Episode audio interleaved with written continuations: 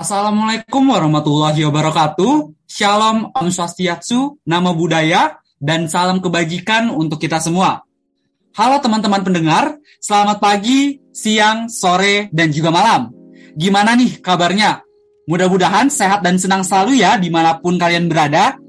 Selamat datang kembali di Amnesty Podcast. Kita di sini akan kembali mengupas mencari tahu dan juga mengkepoin tentang semua hal yang berkaitan dengan hak asasi manusia dengan cara yang santai dan juga pastinya seru abis. Perkenalkan nama aku Fadil Fatullah, biasa dipanggil Adil, dan aku di sini yang akan menemani kalian sampai akhir nanti. Aku nggak sendirian nih, aku juga ditemani salah satu member dari ICUB yang keren banget, yaitu ada Bang Reza. Halo Bang Reza, boleh nih saya hai dulu dan juga memperkenalkan diri kepada pendengar yang lain. Assalamualaikum, salam sejahtera bagi kita semua. Selamat pagi, siang, malam, dan kapan pun Anda mendengarkan podcast ini. Uh, sebelumnya kenalin nih Dil, namaku uh, Muhammad Reza Palevi dari uh, Hubungan Internasional 2019. Biasa dipanggil Reza gitu. Oke, kalau jurusannya apa nih di hubungan internasional, Bang? Kalau aku di hubungan internasional ngambil peminatan ekonomi politik internasional di. Widih, keren banget. Nah, jadi di episode ketiga Amnesty Podcast kali ini kita akan membahas mengenai kasus Zionisme Israel. Bang Reza, apa kabarnya nih? Alhamdulillah. Kalau kamu gimana, Dil? Alhamdulillah, aku baik juga dong, Bang. Bang Reza, uh, minggu-minggu ini lagi sibuk Wah ini minggu-minggu sibuk sama UTS nih. Waduh, semangat ya untuk UTS-nya. Bang ya, sebelum kita memulai obrolan lebih dalam lagi terkait topik yang udah aku spill tadi tentang Zionisme Israel, sebenarnya Zionisme Israel itu apa sih, Bang? Kita sering dengar ya, ya di berita, di pemberitaan ataupun di berbagai macam media gitu, terutama media massa mengenai Zionis Israel sendiri. Jadi, namun Zionis Israel sendiri itu sering kali disalahkaprakan itu sama orang mengenai pemahamannya sendiri. Di mana Zionisme Israel sendiri ini uh, memiliki perbedaan dengan definisi dari Yahudi, Israel, dan Zionisme sendiri gitu Dil. Apa nih perbedaan dari Zionis Yahudi dan Israel tersebut, Bang? Kalau Yahudi itu suatu entitas agama, kalau hmm. Israel itu suatu entitas negara. Sedangkan Zionis okay. itu merupakan tujuan-tujuan politik yang dilakukan oleh bangsa Israel untuk melebarkan daerah kekuasaannya di Oke, jadi ingat ya teman-teman harus digarisbawahi. Ternyata berbeda nih antara Yahudi, Israel dan juga Zionis. Bang Reza, Zionis ini kan berhubungan erat dengan negara Palestina. Mungkin Bang Reza bisa diceritain dulu bagaimana sejarah awal negara dari Palestina? Ini ada suatu fakta unik. Namanya dulu itu bukan Palestina, Dil. Waduh, terus namanya apa tuh, Bang? Dulu itu namanya sebagai bangsa Kaan. Kenapa disebut bangsa Kaan? Karena dulu bangsa yang pertama kali meninggali daerah Palestina itu merupakan bangsa Kaan yang berasal dari Jazirah Arab sekitar 2500 tahun sebelum Masehi. Oh, terus kenapa bisa berubah namanya jadi Palestina nih? Namun di sekitaran 800 sebelum Masehi itu tepatnya oleh bangsa Assyria di bawah kepemimpinan Raja Asyura itu ditemukan suatu catatan yang bernama Plista di mana catatan dari Plista itu mengacu pada suatu wilayah yang berada di bagian barat Asia dan bagian pantai timur Laut Tengah yang mana sekarang dikenal sebagai Palestina. Wah, udah dari sebelum tahun Masehi, berarti lama banget ya, Bang. Negara Palestina ini bekas jajahan apa, Bang? Kalau kita menganut dari catatan sejarah lebih dari tiga abad yang lalu itu uh, Turki Utsmani itu menguasai, menguasai wilayah Palestina sendiri di bukannya yang aku tahu kalau misalkan negara Palestina itu bekas jajahan Inggris ya Nah, itu karena di tahun 1917 itu kekuasaan Turki Utsmani itu runtuh akibat penjajahan imperialisme Inggris. Dari kejatuhan tersebut menyebabkan uh, wilayah Palestina itu jatuh ke tangan imperialisme Inggris sendiri di Oh, jadi ternyata negara Palestina ini punya sejarah yang cukup panjang ya, teman-teman.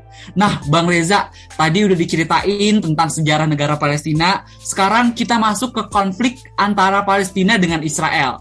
Mungkin Bang Reza bisa jelasin awal mula kedatangan Israel ke Palestina itu bagaimana, Bang? Kedatangan uh, bangsa Yahudi ke Palestina sendiri secara garis besar disebabkan oleh dua penyebab, Dil apa aja nih penyebabnya?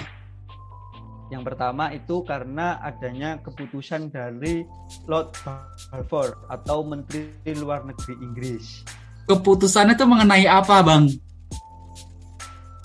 Di mana Lord Balfour ini menjanjikan kepada kaum Yahudi yang berada di Eropa itu untuk menempati wilayah jajahan mereka, yakni di Palestina sendiri. Oke, terus alasan berikutnya nih apa, Bang Reza? Yang kedua ini karena adanya tragedi Holocaust di mana tragedi tersebut uh, mengancam keselamatan dari warga Yahudi sendiri karena ambisi dari Adolf Hitler untuk membinasakan seluruh ya. keturunan Yahudi yang ada di Eropa. Oleh karena itu mereka kemudian mencari tempat yang aman untuk menyelamatkan hmm. diri mereka. Oke, lalu gimana perkembangannya bangsa Yahudi di Palestina? Dari keputusan dan penyebab itu tepatnya di sekitar tahun 1917 itu tercatat gelombang pertama orang Yahudi masuk ke Palestina itu sebesar 56.000 orang Yahudi yang mana dari jumlah itu terus berkembang berkembang berkembang dengan cepat dari tahun ke tahun hingga tepatnya di tahun 1948 itu mhm. tercatat sekitar 650 orang Yahudi itu sudah menempati tanah Palestina sendiri di Oh Oh, Bang Reza, kita masuk lebih dalam lagi deh. Apa sih yang menyebabkan terjadinya konflik antara Israel dengan Palestina ini? Karena dulu Palestina merupakan wilayah jajahan dari Inggris, ketika Inggris sudah meninggalkan wilayah jajahannya, maka Palestina tersebut diakuisisi oleh PBB di mana uh, eh, PBB itu mengeluarkan adanya resolusi nomor 181 melalui sidang 6 September 1947 dulu. Oke, PBB mengeluarkan resolusi nomor 181. Itu resolusi mengenai apa, Bang Reza? Jadi PBB itu e, membagi wilayah Palestina itu menjadi dua bagian. Apa aja tuh, Bang Reza? Menjadi dua bagian, yakni bagian e, wilayah Arab yang sekarang hmm. ditinggalin oleh masyarakat Palestina yeah. dan juga bagian Yahudi yang sekarang ditempati oleh masyarakat komunitas Yahudi yang ada di Israel sendiri. Oke, terus bagaimana bisa kok uh, muncul terjadinya konflik, Bang? Nah, ketika dikeluarkan solusi tersebut, pasukan Israel sejumlah 70 ribu tentara itu dengan brutal melakukan penyerangan ke perkampungan Arab yang ada di Yerusalem dan Tel Aviv sendiri, di mana dari penyerangan tersebut berusaha untuk uh, menginvasi atau mencaplok wilayah dari Arab itu sendiri. Oke, Bang Reza, tadi kan udah cerita ini tentang sejarah Palestina. Nah, gimana nih kalau dari sejarahnya Israel tersebut? Nah, berlanjut dari yang tadi dia masih berkaitan ketika melakukan pencaplokan tersebut, mereka dengan uh, ke keputusannya mereka sendiri dan juga uh, sepihak gitu ya tanpa adanya keputusan dari yang hmm. lain pada 14 Mei 1948 itu eh, komunitas Yahudi ini mendeklarasikan tanah tersebut menjadi tanah Israel dan menjadikannya sebagai suatu entitas negara. Gitu di nah. mana wilayah Yerusalem ini diklaim menjadi kawasan Israel gitu. Terus tujuan Israel melakukan penyerangan ke Palestina tuh apa Bang Reza? Salah satu tujuannya itu mereka ingin menginvasi atau melebarkan wilayahnya karena dari tahun ke tahun itu jumlah penduduk Yahudi yang masuk ke wilayah Palestina itu semakin bertambah gitu jadi mereka butuh ruang gitu untuk berkembang. Nah, apa sih dampak dari kelanjutan konflik tersebut? Tentu ya dengan sejarah yang sangat panjang, dengan Hmm. masa kejayaan yang sangat panjang, masyarakat Palestina itu merasa harkat dan martabatnya itu diinjak-injak gitu oleh bangsa Yahudi yang notabene-nya itu berasal dari Eropa. Oleh karena itu mereka melakukan suatu perjuangan gitu, Dil. Oke. Terus ada nggak nih perlawanan yang dilakukan oleh bangsa Palestina karena kekuasaannya telah diambil alih oleh Israel? Nah, tentu di mana eh, bangsa Palestina ini salah satu perjuangannya itu menggandeng Ikhwanul Muslimin untuk menghentikan agresi dari Israel ini yang dianggap semakin brutal dan semena-mena dari waktu ke waktu. Di mana eh, gerakan ini hingga sekarang bernama Gerakan Hamas itu sendiri di Nah, bantuan dari Ikhwatul Muslimin tuh apa, Bang? Bagaimana nih? Salah satu bantuannya itu mereka melakukan pelatihan kepada eh, anak-anak muda yang ada di Palestina sendiri. Selain itu juga mereka mensupport adanya persenjataan dan beberapa logistik yang dimasukkan dari perbatasan di Rafah. Itu Oke. di- Nah, dengan adanya pengambilan ke- kekuasaan yang dilakukan oleh Israel tersebut, bagaimana sih status dari negara Palestina? Apakah masih dapat dikatakan sebagai sebuah negara yang merdeka, berdaulat, dan juga sejajar, Bang Reza? Nah, ini nih yang menarik di mana ada suatu eh, dilema gitu, ada suatu dua perdebatan yang muncul eh, mengenai status dari Palestina ini sendiri. Apa aja tuh, Bang Reza? eh, dua perdebatan itu di mana eh, dari 138 dari total 193 negara anggota PBB itu termasuk Indonesia mengakui Palestina sebagai negara yang merdeka. Namun eh, perdebatan yang kedua ketika PBB tersebut mengeluarkan resolusi PBB nomor eh, 67 garing 19 mereka menyatakan kedudukan Palestina itu sebagai non-member observer state yang berarti mereka belum resmi menjadi anggota PBB. Itu Wah. Kenapa PBB menyatakan bahwa Palestina ini sebagai non-member observer state? karena dalam PBB sendiri ada yang namanya hak veto di mana Hmm. eh, hak veto tersebut dipegang oleh Dewan Keamanan PBB. Dari eh, Dewan Keamanan PBB tersebut eh, mereka belum eh, merekomendasikan Palestina ini untuk menjadi bagian dari eh, PBB sendiri di khususnya eh, hak veto yang dipegang Amer- Amerika Serikat itu belum menyebutkan bahwasanya Palestina menjadi bagian dari eh, PBB sendiri. Jadi masih ada kontradiksi apakah negara Palestina masih dikatakan sebagai negara yang merdeka atau tidak? Nah, itu betul. Oke. Nah, Bang Reza, pada umumnya kan konflik ini sering dikaitkan dari sudut pandang agama kar- karena terdapat dua mayoritas agama. Nah, dari Bang Reza sendiri ada nggak nih eh, sudut pandang atau dimensi lain terkait Zionis ini? kalau aku sendiri melihatnya dari sudut pandang ekonomi di mana eh, konflik ini merupakan suatu perebutan kepentingan ekonomi di antara kedua negara gitu. Oke, kenapa Bang Reza bisa melihat ada kepentingan ekonomi di dalamnya? Aku melihatnya dari skop yang lebih kecil yakni di kota Yerusalem sendiri, di mana kota Yerusalem menjadi perebutan dari kedua negara ini, di mana kota tersebut merupakan kota suci yang strategis dari sisi ekonomi gitu Dil. Oke, terus apa hubungannya nih dengan ekonomi? kenapa kemudian eh, menjadi kota yang strategis dari eh, sisi ekonomi karena eh, kota Yerusalem ini eh, di dalamnya terdapat kompleks kota tua Al-Aqsa di mana kota tua Al-Aqsa tersebut menjadi kota suci bagi tiga agama sekaligus di dunia yakni Islam, Nasrani dan Yahudi yang otomatis setiap tahunnya ini sangat banyak gitu menyedot wisatawan. Oke, ini mah makanan sehari-harinya Bang Reza nih, ngambil jurusan uh, peminatan tentang ekonomi politik. Ya nggak nih Bang Reza? Ah iya bener banget tuh. Oke, nah untuk sekarang ini apakah masih ada konflik yang berlanjut antara Palestina dan Israel, Bang? Eh, karena ini rentang waktunya sangat lama ya. Jadi Ya. kita gimana kalau coba mengkerucutkan dari tahun 2021 hingga 2022 aja Dil, biar lebih spesifik. Oke, boleh deh. Nah, bisa dikasih contohnya nggak nih?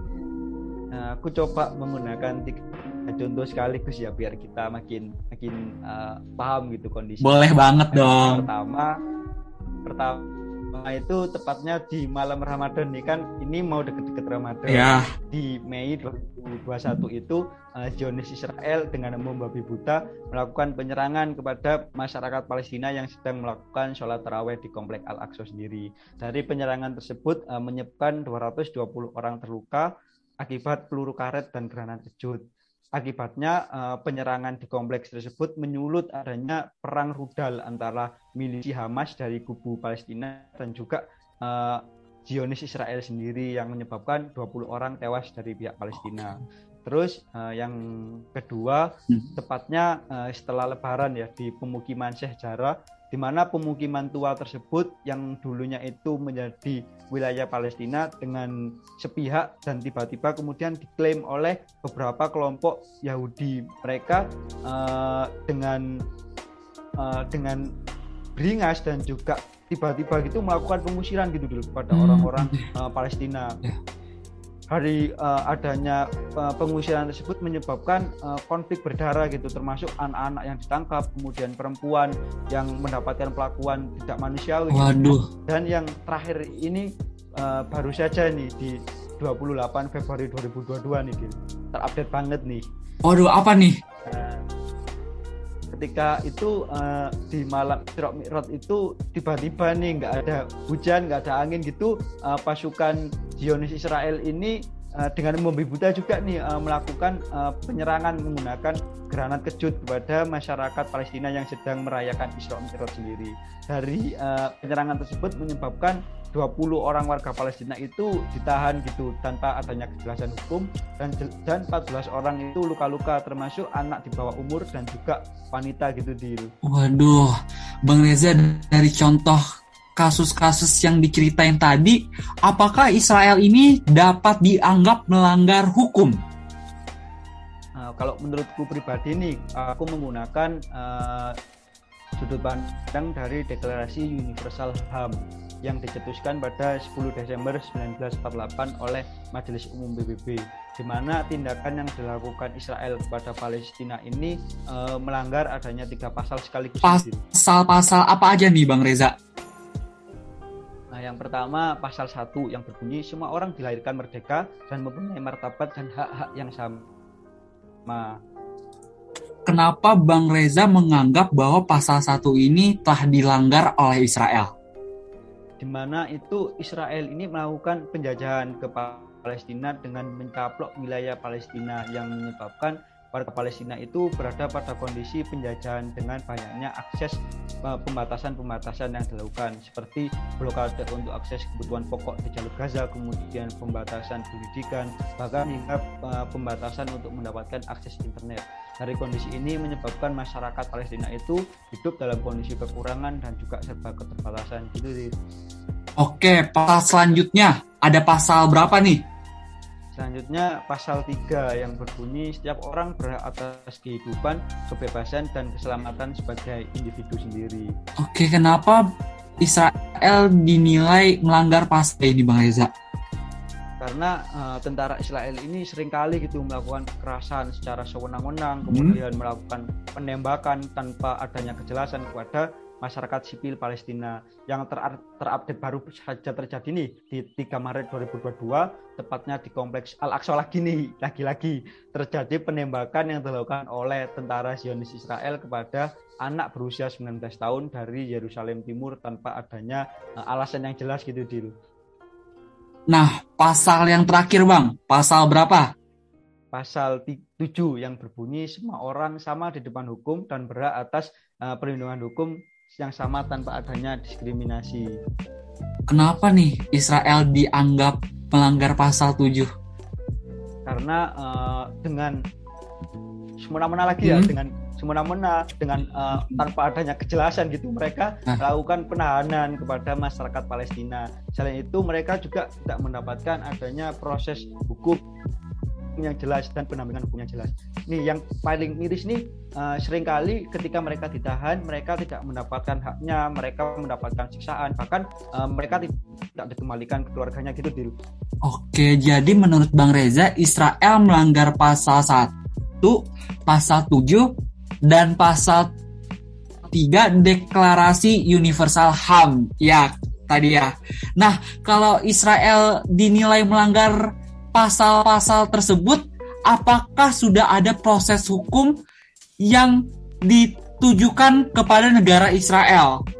Uh, dari uh, hingga awal intervensi atau invasi yang dilakukan Israel ke Palestina hingga sekarang itu belum ada sama sekali gitu sanksi internasional yang dijatuhkan kepada Israel sendiri, Dil. Wah, Bang Reza, aku kan semester ini lagi belajar terkait hukum internasional ya, di mana PBB sebagai organisasi internasional yang merupakan salah satu subjek hukum internasional mempunyai kemampuan untuk mengajukan tuntutan internasional.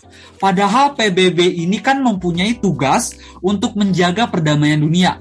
Terus kenapa dia seolah-olah tutup telinga terhadap konflik yang terjadi antara Israel dengan Palestina? Nah ini uh, menarik banget nih kamu singgung PBB di mana hmm. uh, hingga sekarang PBB ini belum menyatukan uh, sanksi yang tegas gitu terhadap setiap tindakan yang dilakukan oleh Israel sendiri. Di mana PBB hanya memberikan opsi untuk membuka uh, investigasi bersama gitu tanpa adanya sanksi yang tegas gitu tuh. Oke, coba aku kaitkan dengan kasus yang lagi rame nih sekarang ini, yaitu perang antara Rusia dan Ukraina. Bagaimana sih langkah yang diambil oleh PBB terhadap perang tersebut? Nah, kalau menurutku ini uh, tindakan atau langkah yang dilakukan oleh PBB ini uh, memiliki uh, standar ganda gitu, Dil. Kenapa bisa nih Bang uh, dianggap melakukan standar ganda? Karena ketika Rusia melakukan invasi ke Ukraina, PBB dengan tegas dan keras gitu ya mengecam adanya intervensi ini sebagai suatu tindakan yang melanggar HAM sendiri. Namun dari awal intervensi dan invasi yang dilakukan Israel ke Palestina, PBB belum mengeluarkan adanya suatu sikap tegas gitu untuk menjatuhkan sanksi internasional kepada Israel ini sendiri. Jadi e, menurutku kedua persoalan konflik ini sama-sama berkaitan dengan soal kemanusiaan tetapi e, memiliki uh, pernyataan sikap atau uh, penyelesaian yang berbeda gitu dari komunitas internasional sendiri di Berarti menurut pendapat Bang Reza, perlakuan PBB terhadap konflik yang terjadi antara Rusia dan Ukraina berbeda ya dengan konflik Palestina dan Israel. Nah, iya tuh. Jadi uh, ke depannya bisa tuh bagi PBB untuk semakin tegas gitu mengawasi tindakan-tindakan yang dilakukan oleh Israel itu ke Palestina dengan uh, lebih tegas gitu dengan adanya sanksi atau uh, adanya pengamatan yang lebih tegas gitu. Wah, oke deh Bang Reza, luar biasa banget ya sesi diskusi hari ini. Gak kerasa banget nih waktu ngobrol-ngobrol kita udah cukup lama berlalu mungkin sebagai penutup diskusi boleh nih dari Bang Reza memberikan closing statementnya. Singkat saja, eh, konflik Israel Palestina ini bukan mengenai persoalan ekonomi atau kepentingan, tetapi mengenai persoalan kemanusiaan yang harus kita selesaikan bersama sebagai bagian dari komunitas internasional. Sekian dan dari saya, kurang lebihnya mohon maaf. Semoga podcast ini berguna untuk kita semua. Oke, keren banget ya para pendengar semua. Terima kasih banyak untuk Bang Reza dalam sesi perbincangannya hari ini. Di sini aku cukup banyak dapat insight-insight baru khususnya tentang kasus Zionisme Israel yang tidak disadari sedang terjadi sekarang ini.